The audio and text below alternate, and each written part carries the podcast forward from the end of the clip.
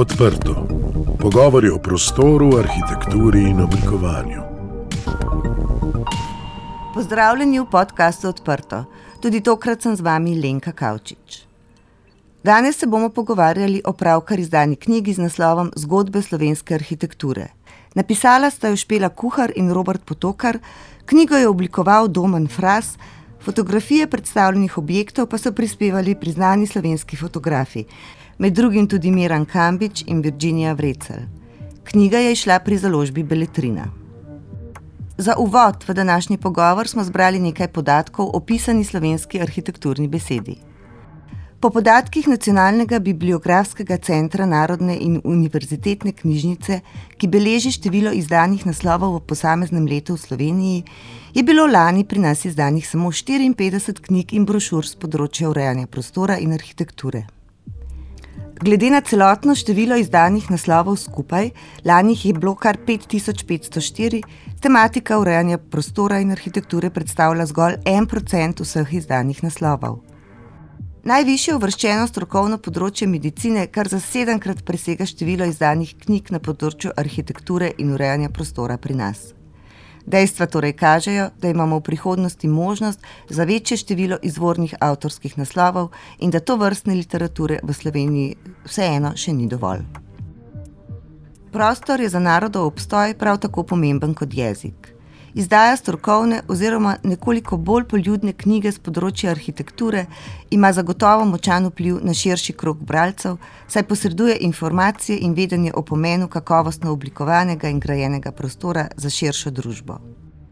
Arhitektura gradi narodovo samozavest, ker je prostor nosilec mnogih družbenih vrednot in ga z realiziranimi deli tako uvršča na svetovni zemljevid ne samo odličnih arhitekturnih praks. Programskega vodjo pri založbi Beletrina Aleša Štegra, ki je veliko pripomogel k nastanku knjige zgodbe slovenske arhitekture, smo vprašali, kako se založbe odločajo za izdajo to vrstnih del, v čem vidijo doprinos to vrstne literature na slovenskem knjižnem trgu in kakšni so odzivi slovenskih bralcev. Knjige, ki govorijo o oblikovanju človeškega prostora, bodi si eh, knjige o arhitekturi. Eh, krajinski arhitekturi, dizajnu in podobno, so seveda ključi za razumevanje uh, načina človeškega bivanja, razumevanje naše zgodovine, razumevanje filozofije, religije in podobno.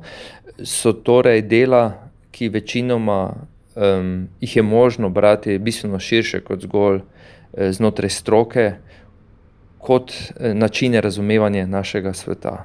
S tem imajo posebno vrednost. In uh, seveda s tem se zastavlja vprašanje, zakaj jih je v našem prostoru tako malo, zakaj so tako redke. Uh, svet arhitektov, uh, dizajnerjev, ljudi, ki se ukvarjajo uh, s temi področji, je običajno zelo izobražen in uh, mednarodno usmerjen, kar pomeni, vsi govorijo tuje jezike in vsi spremljajo na nek način produkcijo, bolj ali manj. Um, knjig v tujih jezikih, kar pomeni, da um, ko knjige izidejo v Angliji, v Nemčiji, v Franciji, si tisti, ki berejo, jih običajno že eh, nabavijo, in s tem, seveda, umanka razlog, zakaj bi bile eh, kasneje prevedene, kar bi večino kupcev um, na nek način, večina kupcev s tem odpade. Ostanejo nam torej dela predvsem slovenskih avtoric in avtorjev o slovenskih fenomenih v osmišljanju našega prostora. Ta dela so zelo redka, tudi njihova produkcija je načeloma um, precej zahtevna, traja um, vrsto let, um, tudi draže od produkcije recimo nekih kuharskih knjig ali pa romanov, poslovnih del, ker poleg um, običajno zahtevnega tekstnega dela, um, zahteva še risbe, grafike, um, fotografije, oblikovanje posebno, prilagojeno in podobno. Zato je seveda potrebno se zelo previdno odločati pri vsaki knjigi. Založbe smo poslovni subjekti, kljub temu, da imamo nekatere od založbe tudi neko kulturno poslanstvo. Um, in v končni fazi, seveda, uh, zelo dobro vemo, da um, večinoma se vložki, um, investirani v zahtevne knjige z področja arhitekture, ne bodo nikoli vrnili. Kljub temu pa se recimo pri založbi Beletrina. Smo pripričani, da nekatere knjige enostavno rabimo, potrebujemo jih za osmišljanje našega eh, duhovnega sveta, za naš prostor, so ključnega pomena. In takšna je knjiga Zgodbe slovenske arhitekture eh, Špele Kuhar in Roberta Potokarja, izjemna knjiga, kot rečeno. Zato, ker zbližuje svetove, po eni strani svet arhitekture, eh, po drugi strani um, kulturne eh, svetove, zgodovino um, in jih prezentira v enkratni, zelo domišljeni um, podobi nekemu širšemu bralstvu. Pripričan sem, da bo um, to ena od tistih redkih knjig, ki tudi niso zgolj uspešnice enega dneva, ampak so predvsej um, trajne uh, naložbe v naše vedenje, se pravi, da so to knjige, ki tudi po desetletju ne izgubijo svoje aktualnosti, ampak postanejo na nek način eh, trdne opore vsake eh, dobro založene knjižnice. Tako Aleš Štegar o zahtevnosti in pomembnosti zdaj arhitekturnih knjig v Sloveniji. Moja današnja gosta sta arhitekta, avtorja knjige Špela Kuhar in Robert Potokar. Kot sta zapisala, sta se za pisanje knjige odločila zato, ker sta ugotovila, da ne obstaja strnem povzetek slovenske arhitekture, ki bi bil razumljiv in zanimiv širši skupini bralcev. Oba, tako Špela Kuhar kot Robert Potokar, sta zelo dejavna na širšem področju arhitekture. Robert vodi arhitekturni biro Ravnikar Potokar, ki ga je ustanovil skupaj z Vojtehom Ravnikarjem. Njun obsežen opus stavb obsega stanovanske, izobraževalne in poslovne zgradbe, od pomembne knjižnice Franceta Belka v Novi Gorici do poslovne šole na Bledu. Robert je tudi urednik Srednjeevropske arhitekturne revije Piranezi. Za arhitekturni vodnik Pogorenski iz leta 2002 je prijel Plečnikovo medaljo. Špela Kuhar je aktivna ustvarjalka in predana arhitektka, ki se je v zadnjih letih osredotočila predvsem na področje izobraževanja o arhitekturi in arhitekturne publicistike. Bila je soustanoviteljica Centra arhitekture, je kuratorka razstav, pobudnica blagovne znamke Darilo slovenske arhitekture in začetnica izobraževalnega programa Igriva arhitektura. Skupaj s avtoricami je leta 2008 napisala odmevno knjigo Sodobna arhitektura šol v Sloveniji in leta 2013 Potovanje do svojega doma. Za svoje delo je prijela Plečnikovo študentsko nagrado, mednarodno priznanje Piranezi in kar dve Plečnikovi medalji. Vsak zase, pa tudi so avtori, Špela in Robert ustvarjata zelo različne projekte. Skupaj sta leta 2008 spisala zanimiv arhitekturni vodnik Gremo v mesto, ki je namenjen družinam in drugačnim mestnim sprehodom. V pogovoru z njima so nas zanimale predvsem zgodbe, ki so potrovale nestankom zgodb slovenske arhitekture. Špira in Robert, pozdravljena. Lepo, lepo zdaj. Ja, živijo, pozdravljena. Najprej čestitke ob izidu vajne knjige. Eh, danes se bomo pogovarjali o zgodbah, ki so potrovale nestankom zgodb po slovenski arhitekturi. Eh, verjetno pa sta izidov vajnih knjig in publikacij že kar vajena. Vseeno me zanima, ali so občutki ob izidu te knjige v čem posebni. So občutki ob dokončanju stavbe razlikujejo od tistih ob izidu knjige?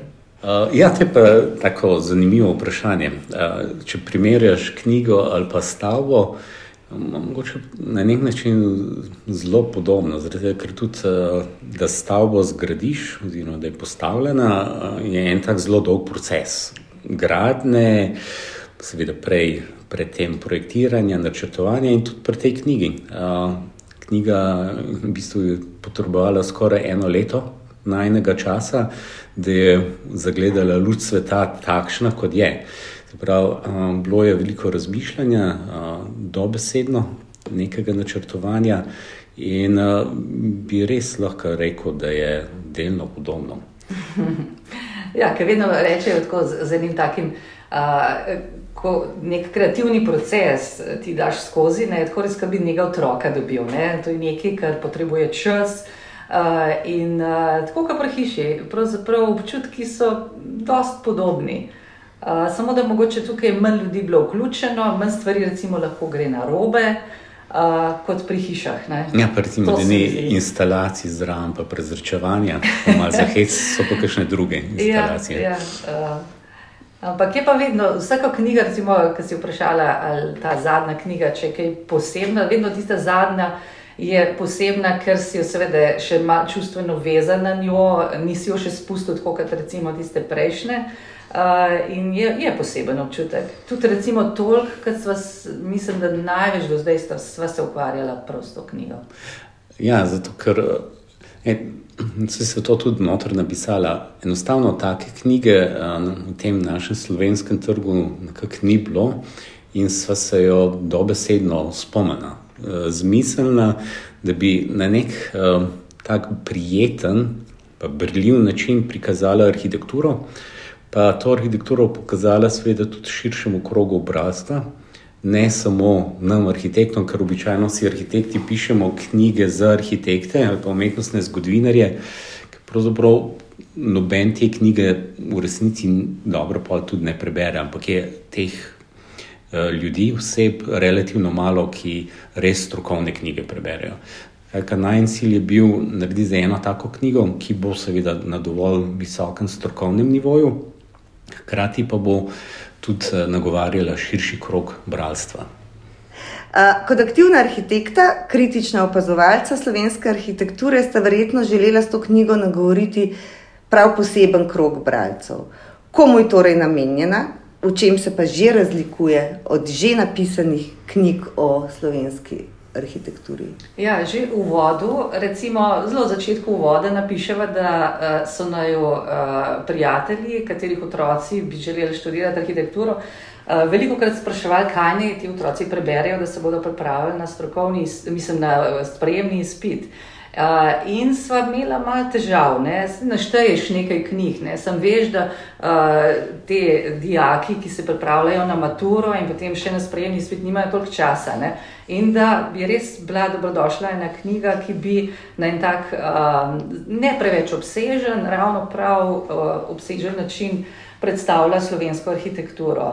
Namenjena je širši javnosti ki jo zanima, vsaj malo, seveda, ki jo ja, zanima kultura, umetnost, kultura in umetnosti. Ja. Tako, ne? In uh, jaz tudi uh, zelo bi si želela, da bi jo v roke dobili pedagogi, ker uh, se mi zdi v srednji šoli, samo v prvem letniku gimnazije, je samo pol leta umetnostna zgodovina, v kateri se tudi predstavi en del arhitekture, ampak potem ni več uh, teh vsebin. In uh, če bi recimo, se najprej navdušili pedagogi in uh, da bi poskušali vsaj neke drobce, pravzaprav čez te štiri leta sre, srednješolskega, um, to se pravi, čez štiri leta srednje šole. Uh, bi bilo to za kulturo naroda zelo dobrodošlo. Zato, ker mi dva tudi trdva v knjigi, ne, da uh, da arhitektura, slovenska arhitektura je tako pomembna kot ostale uh, umetnosti. Ne, od, ja, pa slovenska pisana beseda. Tako, pa ja. nekaj vemo, se učimo o Cankarju, pa o Prešernu, nekaj malega vemo o Plečniku, o ostalih arhitektih, pa srednješolec. Pravzaprav ne sliši ničesar. Uh -huh. uh, da bi slišal mogoče o jugovcu, to je znanstvena fantastika. Uh, že na fakulteti so pa redki arhitekti slovenski, ki so tudi nekako predstavljeni. To je opažam tudi jaz, ko predavam v Mariboru, da ta uh, nivo znanja oziroma razumevanja uh, prostora in tudi vedenja o nečem, kar je že bilo zgrajeno pri nas, je res zelo slab in dejansko s vsakim letom slabši. Uh, so generacije, ki nimajo, grdo izrazov, pojma o, o marsičem. Tako da uh, mogoče bo to ena taka knjiga, ki bi lahko vsaj malce pripomogla k temu, da bo tudi nekdo poznal, da je obstajal pokojni arhitekt Miloš Bonča, Oto Jugovac in še razno razno drugi. Ta vajen strnen, ne po drugi strani pa zelo poljuden in zanimiv. Eh, hkrati pa zelo relevanten opis slovenske arhitekture za objame zelo dolgo zgodovinsko obdobje. in verjetno kar nepregledno množico arhitekturnih del na slovenskem. Kako sta se ob tako obsežnih vsebinah odločila, kaj bo v knjigi objavljeno in kaj ne? Kje je bila tista meja? Ja, zelo veliko smo se pogovarjali, kaj, kje začeti. Začela sva potem pri koliščarjih v Pradovnini, šla čez uh, Rimljane, potem skozi naprej srednji vek, uh, do sodobnosti. Želela sva res vključiti vse, kar je bilo grajenega na našem. Uh, Mogoče ne toliko vse. Ne vse, ampak kakovostnega, ja. ampak skozi vsa obdobja. Ne, to sem hotela reči. Uh, in potem sva pravzaprav tehtala, ne, glede na vsebino, nisva želela, da je knjiga preobsežna, zato ker nisva želela enciklopedičnega pregleda, ampak sva želela skozi zgodbe predstaviti, navdušiti ljudi, da bi se odločili mogoče za nedeljski izlet, sobota, nedelja, da bi si ogledali poleg mogoče muzeja ali kakšnega mesta, ki gre običajno, uh, so običajne turistične poti, še nekaj, uh, še mogoče izbrano arhitekturo. In, uh, Tako da je bilo pravzaprav res nek osebni izbor, ampak so se seveda trudili, da je tudi relevanten glede na arhitekturno stroko. Ja, ker eh, dejansko seveda ne more biti vsega zajetega. Ker če bi bilo vse tako, kar je kvalitetno, bi bila to knjiga, ki bi bila debela 10 cm, ja, ki jo seveda ne bi prijel noben uh, v roke. Zdaj, seveda, kje je zdaj ta uh, ločnica med tem, kaj vzameš noter, čim več napišeš, kaj je samo omenjeno, ali pa kaj pravzaprav izpustiš. Um, To je seveda stvar um, večjih pogovorov in presoj, in pa na koncu se rata en tak kompromis, za katerim pa kljub vsemu uh, stojiva. Pač nekatere stvari so mogoče izpadle, pa mora biti tudi kakšni drugi zdaj dodane, ampak kljub vsemu. Uh, je v knjigi zajet en tak pregled, sicer res da skozi zgodbe, kot neke fragmente, ampak če te fragmente potem skupaj sestavimo, dobimo na koncu dost uh, dober upogled v teh 2000 let ali pa še več arhitektura, ki se je dogajala na tem slovenskem prostoru. Uh, Sveda je bistven podarek v tej uh, produkciji 20. in 21. stoletja, ker ne na zadnje nam je tudi uh, bližje, mogoče bolj razumemo, uh, zakaj se je tudi tako uh, gradilo, kot se je, nam je, kot rečeno, bolj dostopna. Tako da ni čist časovno uravnoteženo, da bi vem, 19. stoletje bilo enako pokrito kot je 20. Ne, zadnje tudi produkcija v zadnjem obdobju bistveno večja. In, to moramo pa tudi uh, ugotoviti, da kar precejšen del te sodobne, najnovejše arhitekturne produkcije je res na visokem nivoju. Uh, Zdaj, po drugi strani, mogoče. Ja, ne, na izjemnem nivoju, ne, in tudi mogoče velik sem preskok nazaj, da, da razumemo arhitekturo, ki jo uh, arhitekti gradijo v tem času, 20. in 21. stoletju. Uh, je zelo dobro poznati arhitekturo, preteklosti. Zato, ker veš, na kaj so se ti arhitekti navezovali, kako je pravzaprav neka nit tekla, eh, kako lahko govorimo o neki slovenski arhitekturi, ne, v čem je posebna. Eh, zdaj, po drugi strani, ne, veliko, je, veliko je kvalitetne arhitekture, ampak če se pa, recimo, samo da se zapeljemo izven teh urbanih središč že na robovih začne razpadati ta struktura, in uh, za slovensko arhitekturo bi lahko rekli, da je razpršena. In uh, to je en velik, velik problem, ki ga bo stroka morala eh, začeti reševati, ga že rešuje, ampak uh, ga bo morala, seveda, še bolj. Uh, ker uh, recimo je, en izmed razlogov je tudi o tem, ker uh, širša javnost ne pozna ne vejo, zakaj pravzaprav to ni dobro, zakaj ta razpršena ni dobra, eh, gradna ni dobra. In uh, upava, da recimo tudi ta knjiga bo en tak drobec lahko pripomogla k nekemu reševanju teh problemov. Se pravi, knjiga je bila povezana, nastanek knjige je bil povezan kar z velikim raziskovanjem, znanjem, poznavanjem uh, slovenske arhitekture. In med tem sta verjetno naletela na kakšno izjemno zanimivo zgodbo. Uh, kako bi vidva povzela to knjigo, se to stajo že v bistvu? Uh -huh. Oziroma, Katera je tista zgodba, ki vam je najbolj presenetila in navdušila? Um, bom jaz povedal nekaj o Vili Refuti, pa recimo o Franz Listu. za, za hec. Uh, ja, ta Vila Refut uh, je že ena tako zanimiva uh, zgodba uh, arhitekta Laščaka. Um, prav edino njegovo delo v Sloveniji, prav na obrobju Stare Gorice, zdaj na našem ozemlju.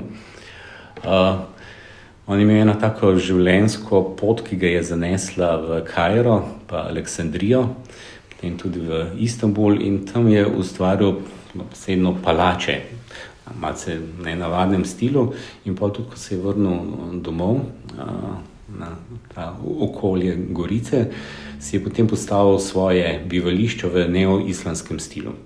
To je zgodba, o kateri no, mogoče šele, govori šele zadnjih 10-20 let. Seveda, goričani so poznali, ker poznajo to vilo, ampak ravno toliko časa je ona tudi zapuščena in propada. In to je samo en od teh arhitekturnih spomenikov, um, ki so doživeli tako usodo. Um, da dobesedno propadajo. Govorimo od plešnjega stadija no, naprej, pa še kaj druga, ampak ta stavba je pa se že starejša in vedno je bila nekako na nekem obrobju. Seveda to ni prelomna arhitektura, ki bi pomnila prelomnico v slovenski arhitekturi, ampak je en tak, mogoče lahko rečemo, eksces, za katerega se nam je pa zdelo zanimivo, da bi bil pa tudi um, zanimiv, seveda, bralcem. Uh, nekaj, kar te potegne, um, kaj pa je zdaj to. A to imamo mi v Sloveniji. Seveda te vile res uh, ne poznajo. No. No, mene je navdušila že leta nazaj, ko je Maruša Zorčeva uh, delala svoj doktorat in je uh, o, o arhitektu Otonu Jugovcu ne, in ta streha nad Dolenskem, ne, ki zaščiti ostaline crkvice uh, na tem polju, se mi zdi ena izmed takih arhitektur, ki uh, zelo malo poznana, ampak izjemna. Pravzaprav ta arhitektura uh, lahko rečeš, da je popolna, ne? da spoštuje krajino, da spoštuje tradicijo, da spoštuje material, da spoštuje konstrukcijo. konstrukcijo uh, da je v bistvu uh, mene je fasciniralo, ko se ji približaš. Uh, ko samo z roko primeš en, en del strehe, te ogromne strehe, ki v bistvu ti nekako ni jasno, kako lahko stoji na teh dveh stebrih. Uh, in rahlo primeš in ta streha zaniha. Ne? Jaz sem imela tisto občutek, kot da poletela. In to je tisto ena taka poetika arhitekture, ki uh, se uh, redko, recimo, da se vse poklopi, da lahko rečeš, da je to pa popolno arhitekturno delo. In uh, to res, res vabljeni na izlet uh, na Dolensko. Ja, in uh, dilema pri tem je bila, um, kaj dati na naslovnico. In potem smo se v bistvu tudi odločili za to, da je na naslovnico ta kozovc. In bo mrzlo to pogledati, kaj pa je to za en kozovc. Ampak v resnici ni kozov, zaradi tega, ker samo izhaja to, kar je špelo menila, izhaja iz njega. Ampak vse ostalo je pa premislek uh, od konstrukcijskega do tega, kako je noter umeščen v prostor, uh, je pa seveda delo uh, arhitekta in potem še le vidiš, da je to res uh, nova arhitektura. In na uh, tem premišljanju ne bo zdaj gor nekaj od plečnika, ne bo gor ne bo dravnikarja, ali ne bo gor od Rimljano, ali ne bo nek kolaž. Uh, sva se pa na koncu vseeno odločila za to uh, arhitekturo, ki je tako mala, hkrati je simbolna in v njej res skriva nešteto podzgodb ali pa manjših zgodb. Mm. Ki jih ne veš, dokler ti jih nekdo ne pove. Ja, tako, ja, ja. res je. Ja, oziroma, če jih nekaj ne prebereš v enih drugih knjigah. Um, no in, uh, tako še apropo tej naslovnici, uh, sem pokazal tam enim parim kolegom, uh, kam imaš to gor za en kozovc? Kaj je to? Kako kozovc, zakaj ste dal gor kozovc? In pa začnem razlagati. O, a ja, no zdaj pa vem, o tom šel pa enkrat gledati. Super. Ja. Uh, špela Robert, hvala za zanimive zgodbe, tudi za spodbudo, da bo če kdo drug, poleg arhitektov in naših kolegov, uh, vzel knjigo v roke. Branje knjig je v teh časih na vse dobrodošlo potovanje v zanimive kraje. In upam, da se kmalo srečamo še v kateri novi arhitekturni zgodbi. Hvala za pogovor. Evo, hvala. hvala tebi. Poslušali ste podcast Odprto, prvi slovenski podcast o arhitekturi, ki ga je pripravila ekipa OHS. Za akustično ugodje je skrbel studio Sonolab. Odprte hiše Slovenije se zauzemajo za dobro arhitekturo, ki je namenjena vsem ljudem. Prisluhnite nam vsakič, ko boste v prostoru želeli izvedeti več. Da smo lahko odprto spregovorili o prostoru, nam je svojo podporo omogočilo Ministrstvo za okolje in prostor.